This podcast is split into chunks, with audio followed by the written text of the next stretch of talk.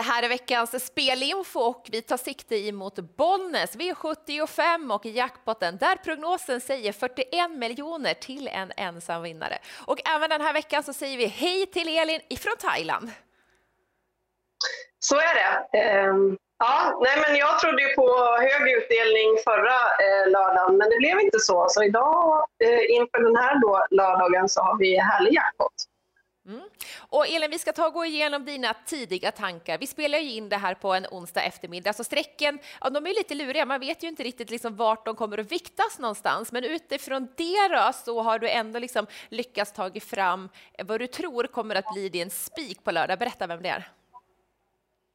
Ja, jag går ju från värmen här i Thailand till kallblodsloppet, eh, avdelning 4, där jag tror väldigt, väldigt mycket på nummer 13, Stumnefyr. Han har eh, verkligen visat strålande form egentligen hela året här och gjort eh, prestationer efter prestationer som har varit bra. Här var senast så gick han i ledningen i ett sprinterlopp och bara sprintade undan. Det var ju Trollsolen som är två i mål. Men han vann otroligt enkelt och eh, ja, men lite så moralhöjande också med den där härliga farten över mål som han tar med sig inför eh, det här loppet som han ska ut i, i nu i Sverige ingenting tyder på att formen ska vara sviktande utan han är verkligen bra. Han går med skor. Det är ett kallblodslopp med tre volter och han står ju på den sista volten längst bak. Han är inte jättevan att tävla just i volt, men han har sett ändå ganska stabil ut och tränare och kusk låter ändå väldigt eh, ja, komfortabla, om man säger så, när det gäller volt. Så att jag tror inte att det är några som helst problem. Han är stark, han är tuff, han kan köras på många sätt. Jag tror han rundar det här gänget. Jag tror stenhårt på, på, på Stumne 4 och jag spikar honom. Och apropå Volta, han har ändå dragit, om man får säga nitlotten med spår 4 i volt, så inte ens det känns som att det skulle kunna vara något orosmål. Nej, men det känns inte så. Han kan vara lite stegig från början, men eh, ja, Ole Johan Öster känner honom väldigt väl. Och eh, det känns inte speciellt bekymrande utan han kommer sitta bland de sista hästarna och han kommer få göra mycket jobb. Han kan också få gå med i lite ryggar här. Och, ja, med den formen han har så tuggar han ner sitt motstånd hoppas jag på. Vi går vidare ifrån avdelning 4 och så kastar vi oss över avdelning 2. Det här är ett gäng ston som ska ta och göra upp och vem har du fastnat för här Elin? Ja, men jag, de är egentligen bara fyra stycken på den första volten här i det här storloppet och då brukar det vara svårt att stå emot de här lite tuffare storna på tillägg. Men jag har jagat och jag gillar hennes form, nummer tre, Eugene Celeber. Hon har varit bra hela tiden här på slutet. och Hon har avslutat strålande. Här var senast när hon avslutade på Gävle. Väldigt, väldigt bra bakom, nu ska vi se vilken häst det var. Det var Bottnas Justin som hon avslutade bakom eh, som hon inte nådde då. Men hon avslutar som sagt var strålande. Hon har haft den där härliga formen en längre period. Gången innan så satt hon fast med mycket krafter kvar. Och eh, nu har hon ett läge för att kanske till och med kunna komma till ledning här på den första volten. Jag tror att Magnus Djuse efter en liten bit sitter i ledningen. Han ger lite respekt, det är första gången han kör henne. Eh, han har en häst i form och jag tror att han kommer bestämma sig för att köra i ledningen. Och hon har gått två gånger i ledning, inte förlorat därifrån de två gångerna, utan hon har två segrar just ifrån ledning.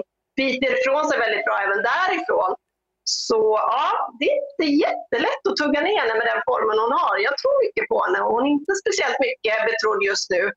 Och spännande med Magnus Yusuf. Ja, verkligen. Och en, en annan fördel är att det här är en dam som också är väldigt, väldigt van att tävla med skor. Precis, hon har inga bekymmer med det. Så att, eh, ja, det känns stabilt så, så sett också.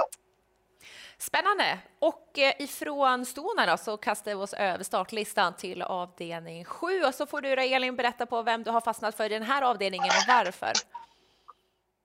Ja, men det är eh, från bricka 2 bakom bilen, Revende Chavi. Han har också superform den här fina hästen. Han radar upp fina prestationer. Hela hösten har han gjort det. Eh, och ingenting tyder heller på att den här formen skulle vara nedåtgående utan mer uppåtgående egentligen. Avslutade jättebra i ett långlopp senast bakom High On Pepper. Strålande fin avslutning. High On Pepper vet vi är en kanonhäst. Det var bra hästar emot då. Han har dessutom visat eh, många gånger att han kan öppna bra. Här ser vi för sex starter sedan när man valde att trycka av honom från början från just bricka två när han tar hand om ledningen. Så här har Carl-Johan Jeppsson ja, många valmöjligheter med en häst i superform. Antingen trycker han av, kommer till ledningen, kör där, svarar ut de andra. Han kan också ligga kvar i andra spår och köra till slut. Ja, men den här hästen kan vinna på många sätt.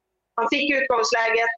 Eh, ja, jätteform och spännande också med Carl-Johan Jeppsson upp. Och det där norska huvudlaget här på slutet, det har liksom känts som att eh, den där extraväxeln har inte behövt ryckas. Kanske behövs den här gången, för det är bra hästar emot, men eh, ja, jag, jag är väldigt spänd på hur han kommer prestera och det här är min första häst i loppet. Och annars, vem skulle du säga är den tuffaste motståndaren till honom då? Ja, men det skulle jag nog säga är nummer fem, Hannibal Face. Eller det är många väldigt formstarka hästar, men Hannibal Face är ju bra och har fått ett bra utgångsläge den här gången för att vara han. Och han vet vi också kan vara en sån där som dundrar på utvändigt och egentligen vill till ledningen. Vi får se lite grann hur Björn Goop lägger upp det. Han vill kanske helst ha en rygg där och eh, köra till slut. Men ja, eh, han kan lägga upp det lite som han vill tror jag, Carl-Johan Jeppsson. Och se lite vilka som kommer eller om han kör i ledningen. Jag hoppas på att han leder runt om.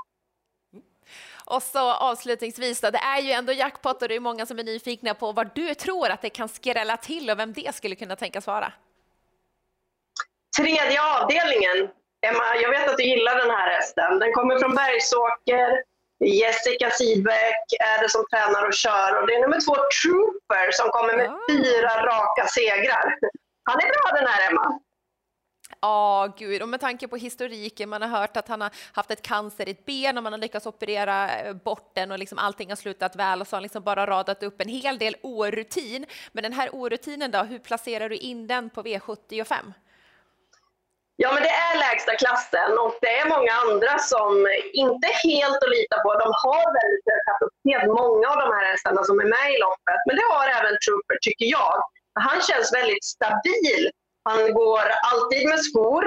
Han känns säker ifrån start. Man har kanske inte riktigt tryckt av honom för fullt ifrån start. Jag tror att Jessica kan trycka av ännu mer ifrån start, att han kan öppna bättre än vad han har visat. Men han ligger dock i andra spår direkt. Han fick det bästa utgångsläget. Jag tycker han är superintressant. Han har ju vunnit de här fyra loppen, ska sägas, mot betydligt enklare motstånd. Men på sättet han har gjort det, med mycket krafter kvar, aldrig varit riktigt pressad på något vis. Han är superintressant i det här loppet och känns absolut inte borta. Ja, det ska bli kul att se honom mot lite tuffare motstånd helt enkelt.